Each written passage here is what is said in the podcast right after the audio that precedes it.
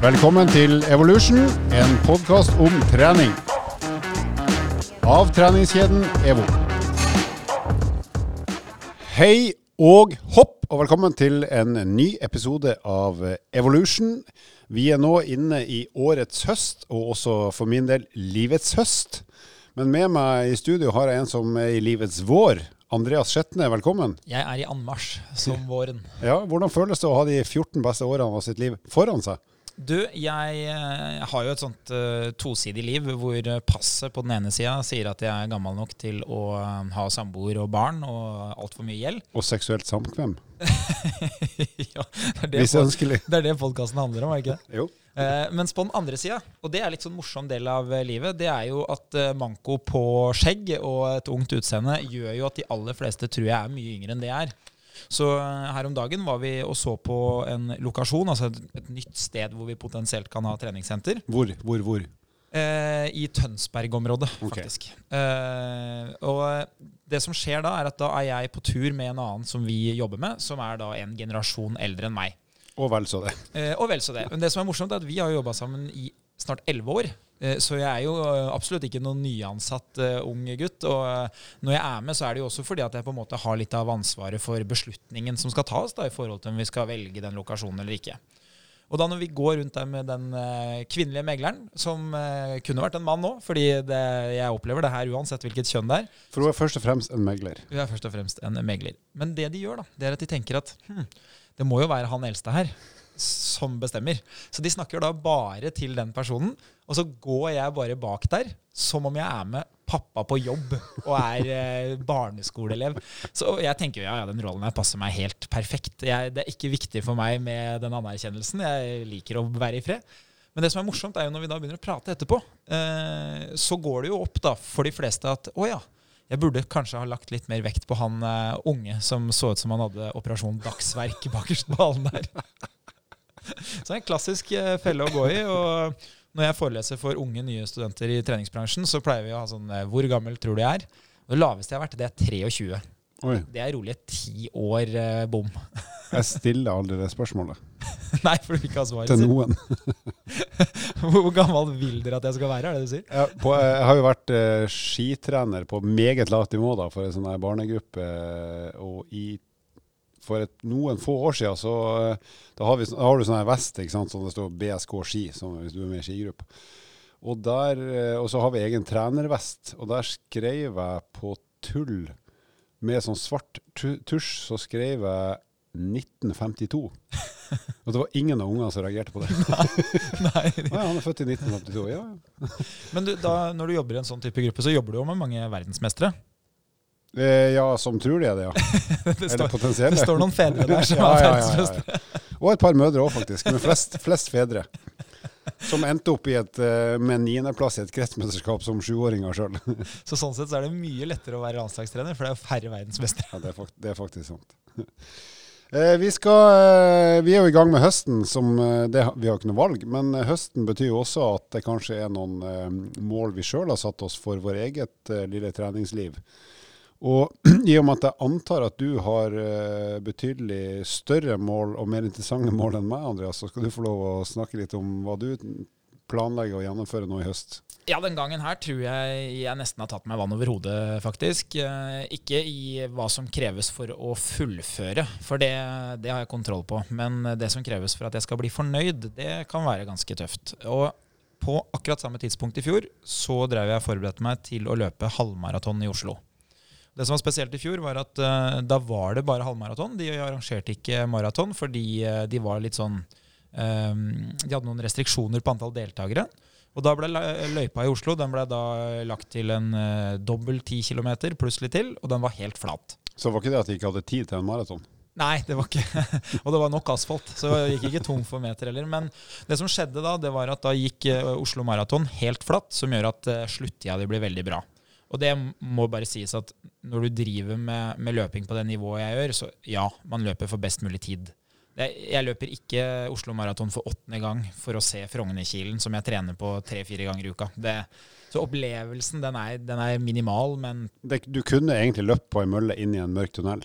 Ja, ja. så ja, ja. lenge tida blir god. Så, så det som er viktig for meg, er jo, eh, og det er jo egentlig ikke veldig viktig for noen andre enn meg, da, det er at eh, det må være i et løp som på en måte er godkjent standard. Altså det må være eh, en type runde hvor det er langt nok, og du må ikke ha noe hjelp underveis. Ikke sant? Så da vet du at Ja, du, du skal prestere ei tid i et, kall det et arrangement som de som har et snev av peiling, skjønner at å ja, det var det han har gjort, og det er ikke så verst. Ikke sant? ja. Så du Så, skal slippe å eh, forklare omstendighetene. Ja, og så er det jo viktig for meg at hvis jeg gjør det bedre en annen gang, så vet jeg at jeg har blitt bedre. Det er jo kanskje det viktigste. Så i fjor, eh, halvmaraton, og da var det sånn at eh, de to distansene som ikke løpes på friidrettsbanen, som er en del av eh, friidrett, det er jo da halvmaraton og helmaraton.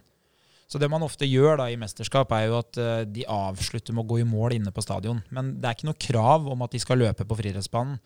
Mens 400 meter hekk løpes jo aldri på asfalt ute i gata. Det en, eh, Eller i hage. eller hage. Det er en, det er en stadionøvelse, da. Så eh, i fjor var det NM, og, og NM det er noe man deler ut til store arrangører. Så da sier man sånn Ja, Trondheim Maraton uh, har da søkt. De ønsker å være NM-arrangør på distansen halvmaraton i 2025. Og så får de tilkjent det, akkurat sånn som eh, det foregår med store mesterskap. Så i fjor så var det da NM halvmaraton i Oslo. Helmaraton gikk et eller annet annet sted. Men i år, i 2022, så er eh, Oslo Maraton tilkjent NM. Og det betyr at hvis man da er eh, medlem i et idrettslag, og man melder seg på i NM, som man faktisk kan gjøre på de lange distansene, det kan du ikke gjøre på stadion. Så jeg kan ikke si at du, jeg har lyst til å være med på 100 meter. Da må du ha kvalifisert deg gjennom noen krav. Mens på NM så kan du faktisk stille opp. Så jeg kan egentlig stille opp òg? Ja, ja. Så, så det å delta, det er ikke en, eh, det er ikke en bragd. Det gjør du på internett. Men det er jo en bragd å være så dum og melde seg på hvis man ikke vet hva det er. Så jeg har da påmeldt NM hel maraton.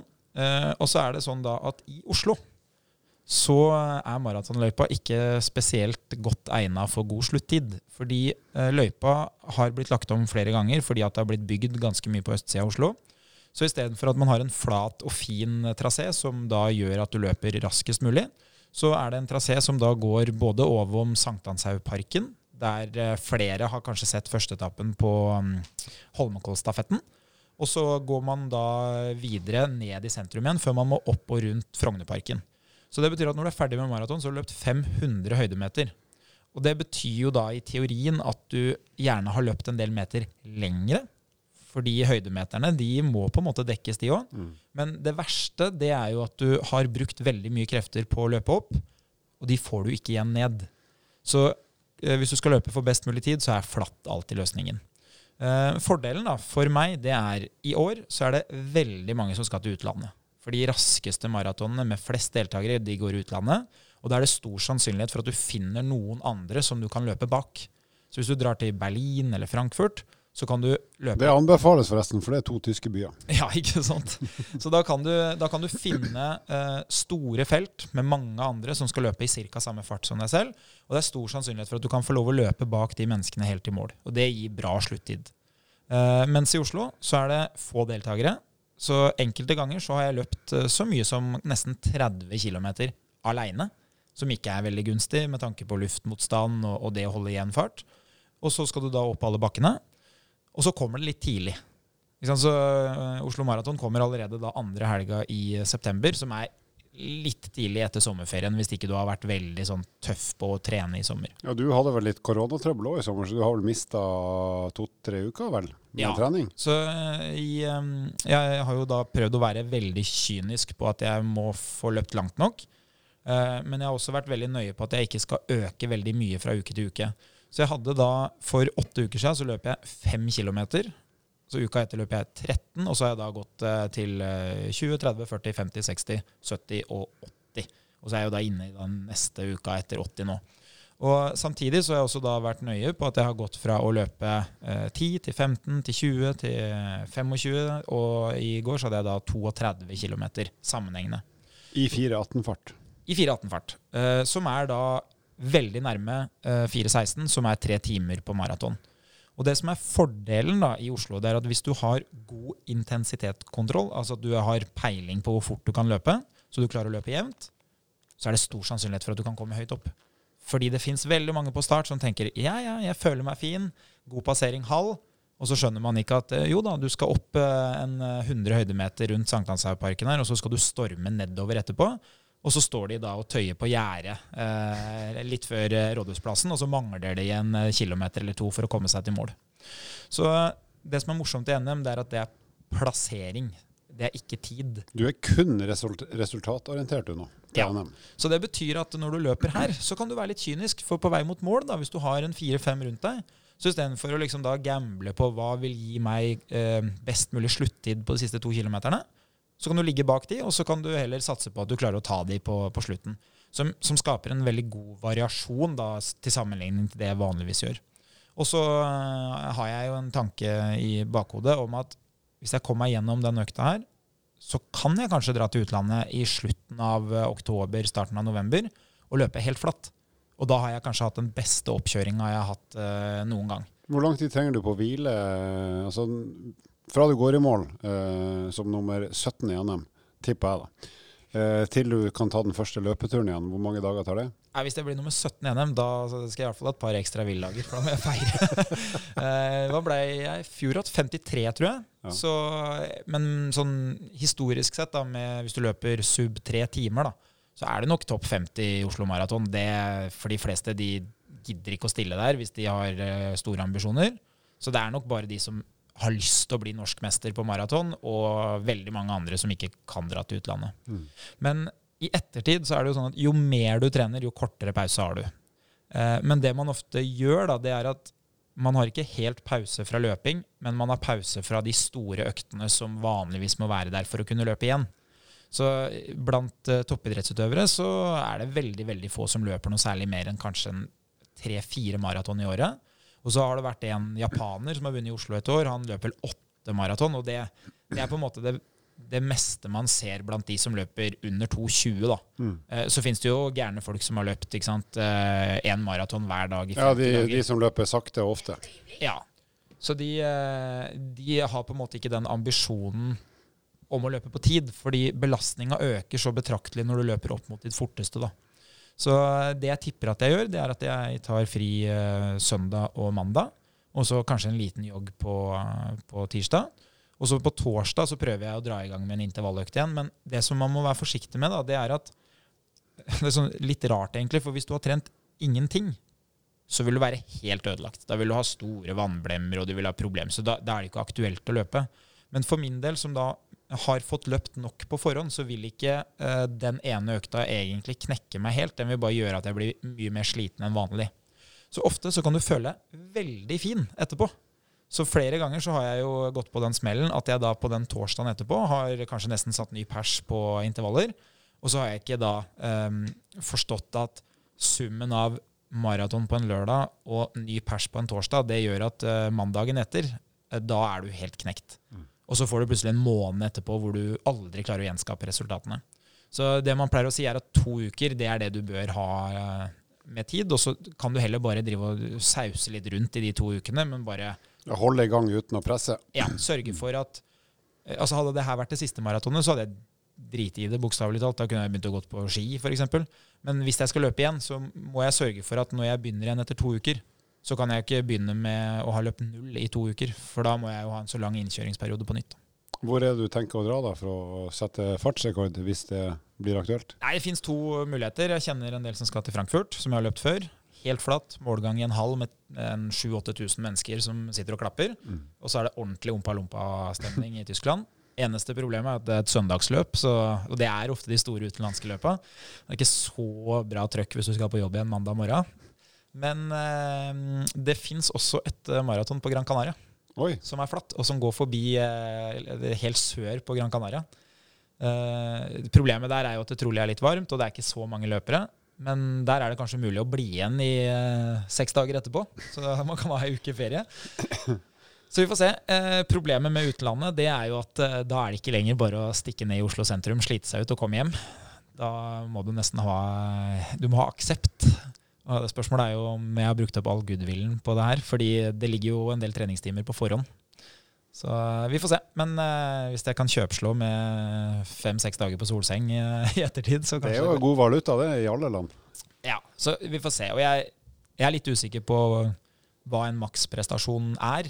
Så jeg tror nok jeg kan mest sannsynlig løpe der nede, løpe fortere enn jeg har gjort før, og være strålende fornøyd. Og sikkert kunne løpt enda fortere hvis jeg hadde løpt i et stort felt et annet sted, men så viktig er det på en måte ikke.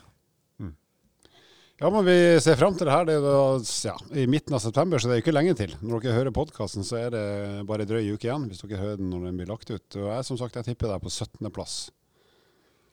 Og du, For du er litt nøktern på egne vegne, så jeg tror nummer 17 det kler deg godt. Ja, jeg kan jo si det sånn at uh, med bakgrunn i den forrige langøkta, så er det både langt og hardt. Uh, det føltes ikke ut som nå 17.-plass. Men vi får se. Jeg, jeg, har veldig tro på at det kan bli vanskelig for mange som ikke har trent spesifikt på det. Fordi en helt flat maraton er ikke det samme som å plutselig måtte løpe 7-8-9-10% rundt Sankthanshaugen, og så Eh, den tida du har tapt, den skal du prøve da å gjenvinne i bratt nedoverbakke. Det er ikke lett. Det vet jeg dessverre alt om. Mine mål er jo da, akkurat som før, å bli enda bedre til å sykle. Dvs. Si ikke enda bedre, men bli bedre, for jeg er ikke god. Eh, pluss at jeg da i 2022 faktisk skal se om jeg klarer å nå målet mitt med 10 reps på 100 kg knebøy. Det klarte jeg ikke i fjor. Jeg er faktisk eh, i god rute til å ikke klare det i år heller, men, men jeg er bedre enn på samme tid i fjor. Så istedenfor å snakke om at jeg skal bli litt bedre til å sykle, så er rett og slett eh, mitt mål, hovedmålet er rett og slett å klare 100 kg og 10 reps. Jeg, det, det, skal være mulig, uh, men uh, det kreves fortsatt en del jobb. Så jeg må nok bøye knærne i hvert fall to ganger i uka fram mot jul. Men det er nok økter fram til at det skal være mulig. Vi skal snakke om et tema som handler om mat, men også mat kombinert med trening. Og det får dere høre aldeles straks.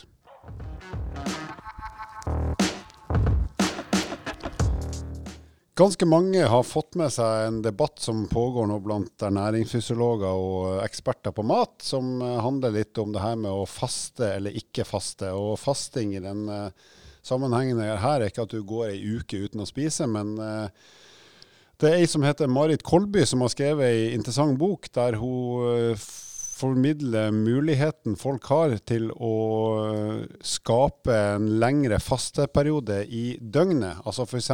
da at du har en del timer fra siste måltid på dagen til du tar første måltid dagen etterpå. Så det kan typisk være at du sier at du spiser middag eller kvelds klokka sju på kvelden, og så spiser du kanskje frokost klokka åtte på morgenen. Da har du 13 timer uten matinntak. Eller du Kanskje spiser mat litt senere på kvelden, la oss si klokka åtte-ni, det siste måltidet. Og så kanskje du hopper over frokosten og går til lunsjen kanskje klokka elleve eller halv tolv.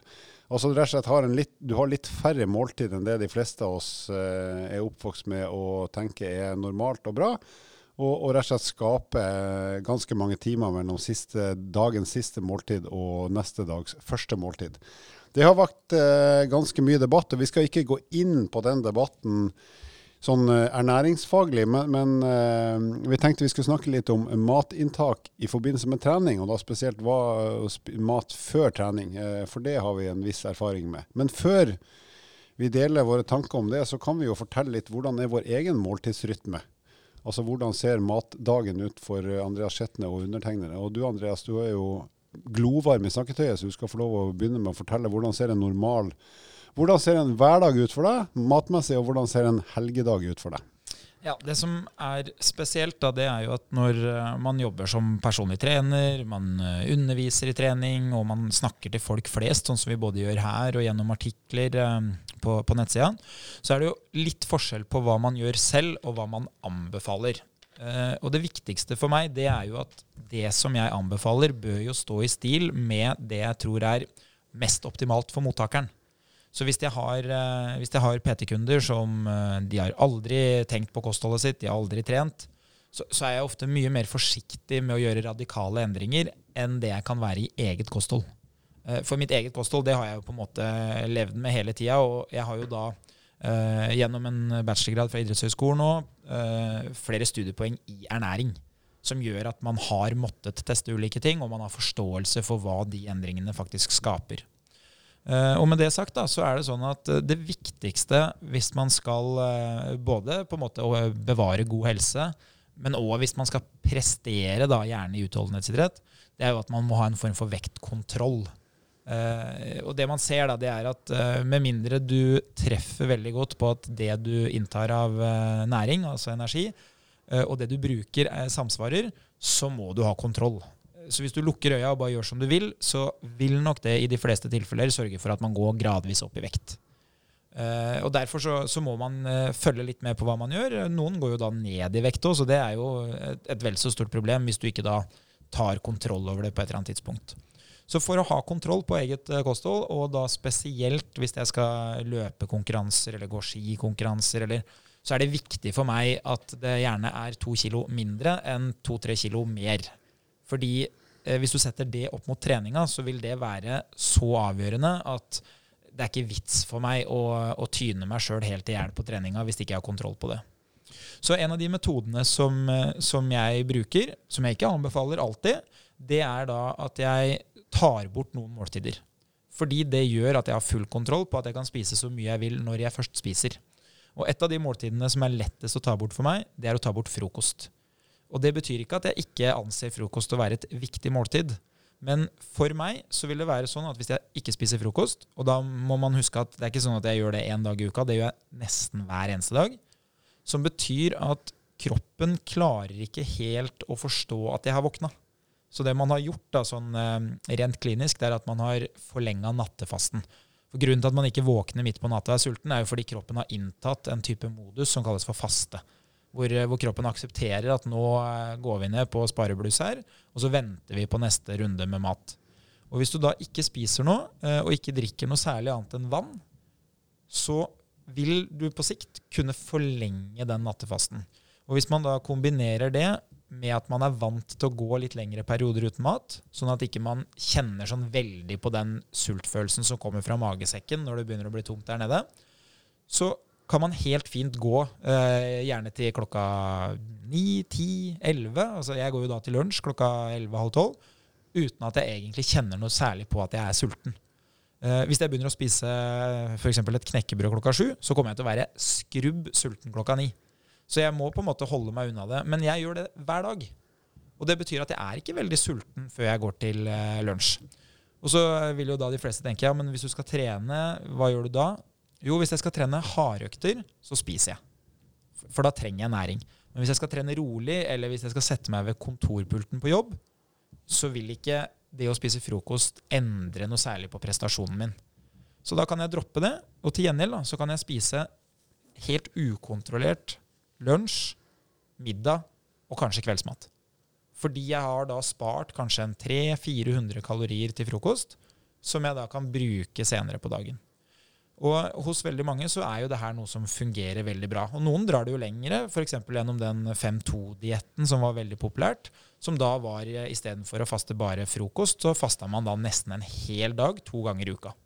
Mm. Så det fins mange ulike muligheter, men jeg velger da å avstå fra frokost.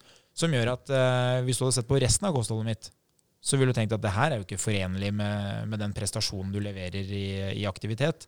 For da kan det jo være både to og tre kanelsnurrer på lørdag f.eks. hvis vi er på tur. Mm. Det kan være godteri tre-fire dager i uka. Men fordelen er jo at jeg kombinerer da litt kontroll på, på frokost med ganske høyt aktivitetsnivå. Er det forskjell på en, en vanlig dag for deg, en hverdag og en helgedag? Eller er det ganske likt? Jeg prøver jo å etterleve det som jeg egentlig ga som tips i forrige episode. Det at jeg prøver å skille mellom hverdag og helg. Men jeg må jo si det sånn at i takt med at samfunnet har blitt mye mer digitalt, uh, og oppmøtet ikke har blitt så tydelig som det var før, med, med jobb og med, med, helg, så er det jo mange torsdager som er lørdag. Men det er også lørdager som er mandag.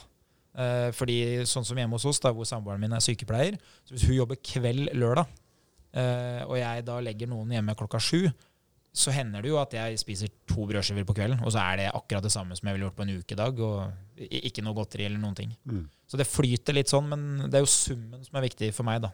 Fordi kroppen bryr seg jo egentlig ikke om hvilken dag det er. Det er jo eh, bare statistikken som egentlig blir fin av å ha kontroll. Mm.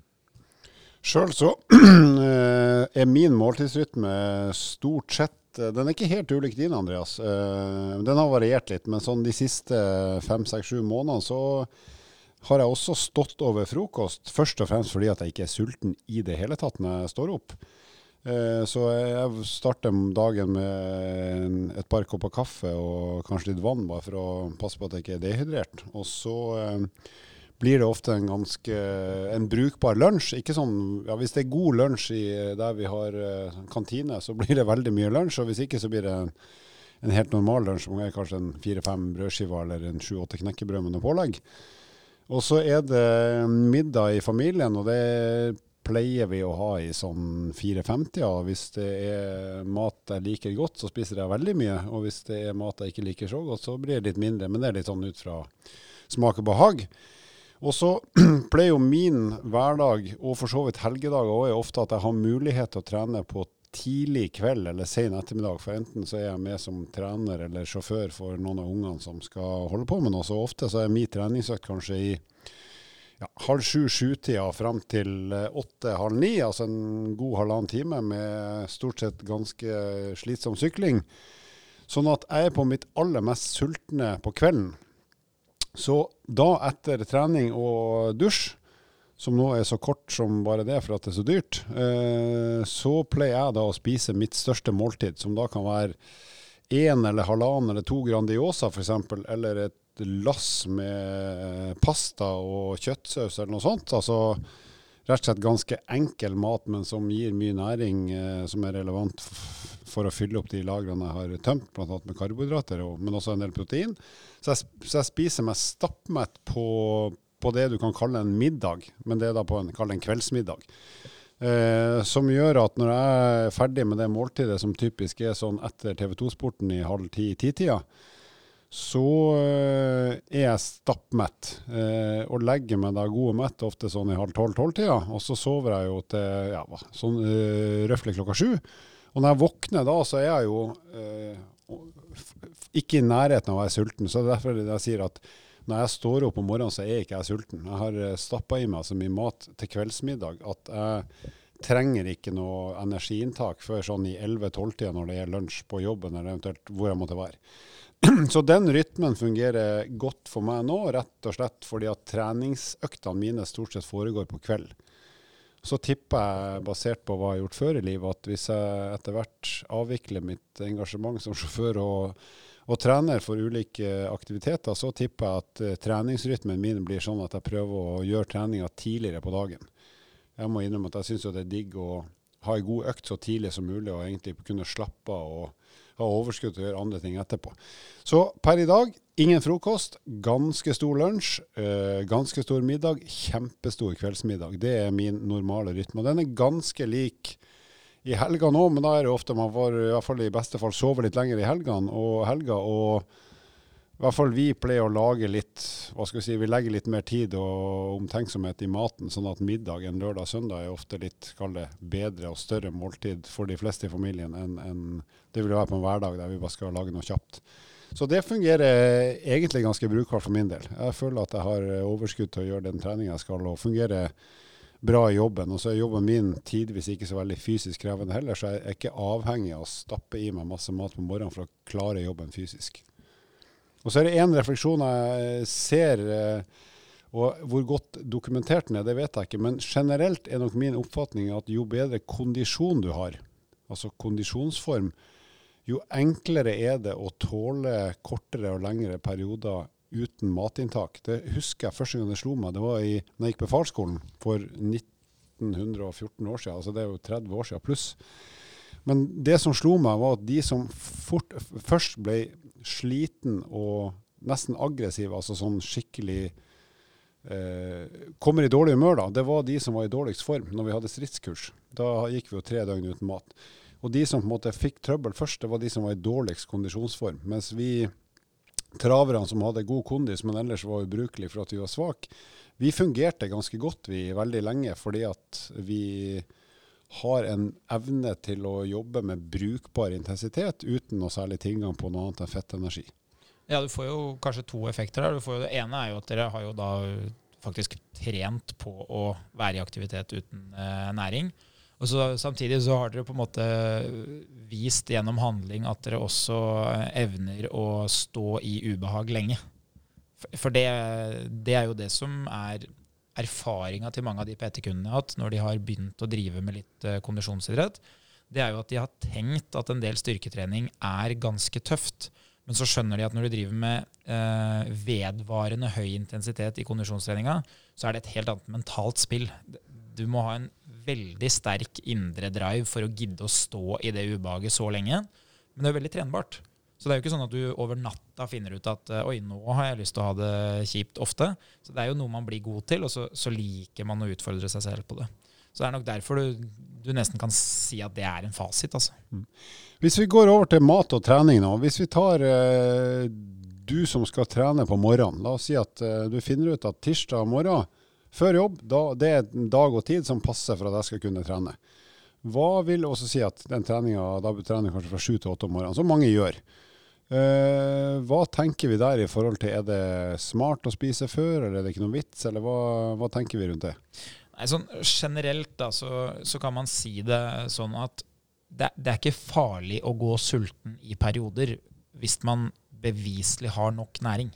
Altså at hvis kroppsvekta di er stabil eller økende, så, så, er det ikke farlig å gå sulten i, i relativt lange perioder. Altså, vi snakker ikke dager her, vi snakker om timer, kanskje opp mot en halv dag, en hel dag.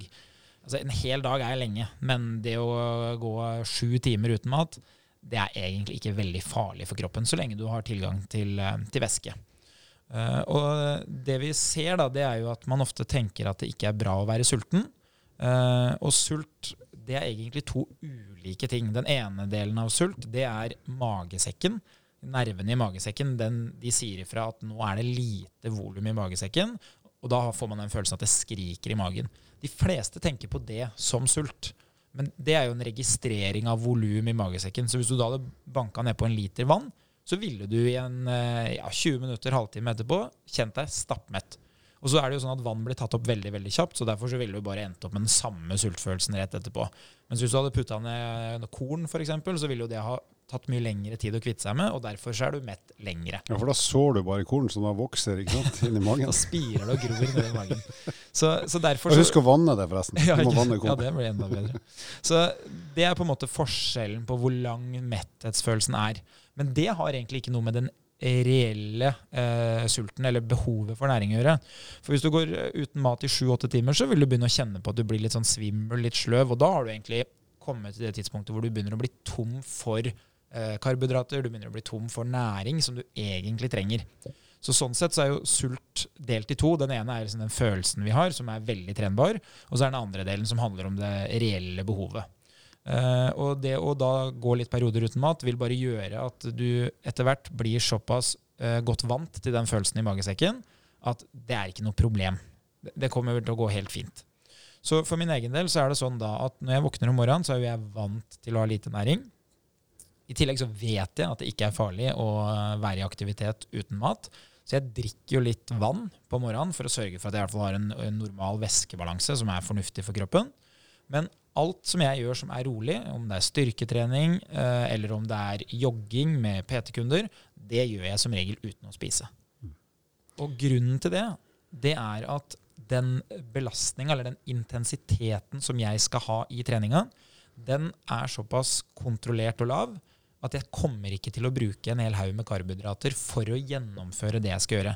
Så jeg trenger ikke å benytte meg av masse lagra energi i muskulaturen som skal på en måte stå imot den kjempeharde intensiteten som jeg skal gjennom. Så derfor så kan jeg fint gå gjennom trening, spise da frokost eller lunsj etterpå. Mens hvis jeg skulle ha deltatt på maraton på morgenen, eller om jeg skulle ha løpt knallharde intervaller, så ville jeg jo ganske kjapt bruke opp det som jeg har lagra, og da hadde det vært en kjempefordel om jeg hadde noe mer tilgjengelig i blodbanen og i magesekken.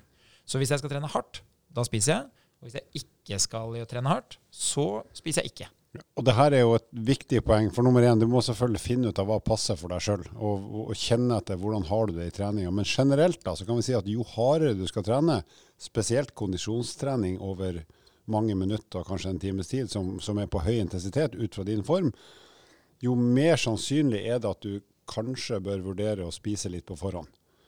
Eh, hvis du ikke skal trene veldig hardt, uansett om det er styrke eller kondis eller noe annet, så kan du sannsynligvis anta at du i utgangspunktet ikke trenger å spise noe før ei sånn morgenøkt. Rett og slett for at intensiteten ikke er så høy, ergo er ikke behovet for noe spesielt mye næring til stede. Så Det kan være sånn grov ut, et grovt utgangspunkt for å tenke hva kan passe for meg sjøl.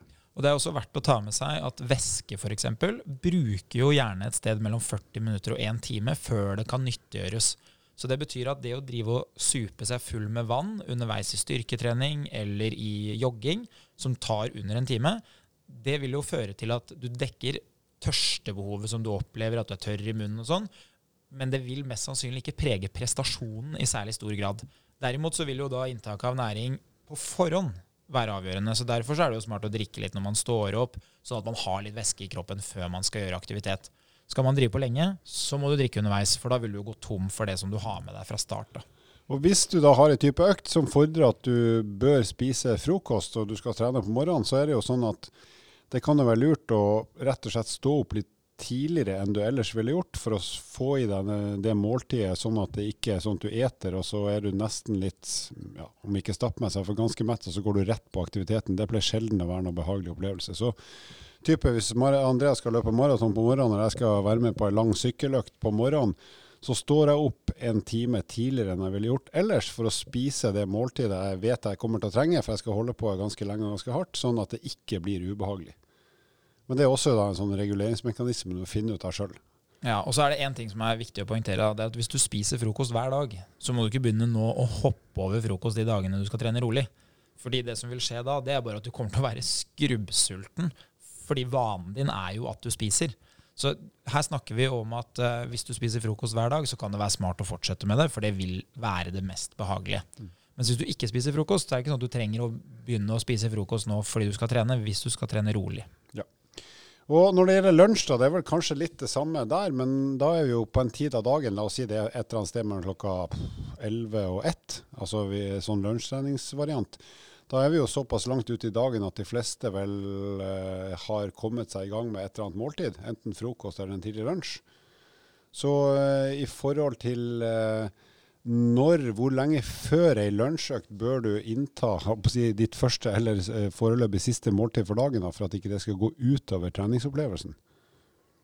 Uh, nei, altså det som er viktig her, er jo å se på at man får i seg nok næring, men også at man får litt tid før man skal trene. Så en av de tingene som jeg har opplevd, det er jo at hvis du er vant til å spise hyppig, så vil du ende opp med at avstanden fra inntak av næring til trening gjerne er litt kortere enn det som er hensiktsmessig. Så etter to timer så begynner du å bli sulten, og så skal du trene. Og så får du et, eh, et problem med at oi, eh, når jeg begynte å løpe eller begynte å gå på ski eller sykle eller trene styrke, for den saks skyld, så kjenner jeg at det er egentlig ikke så lenge siden jeg spiste.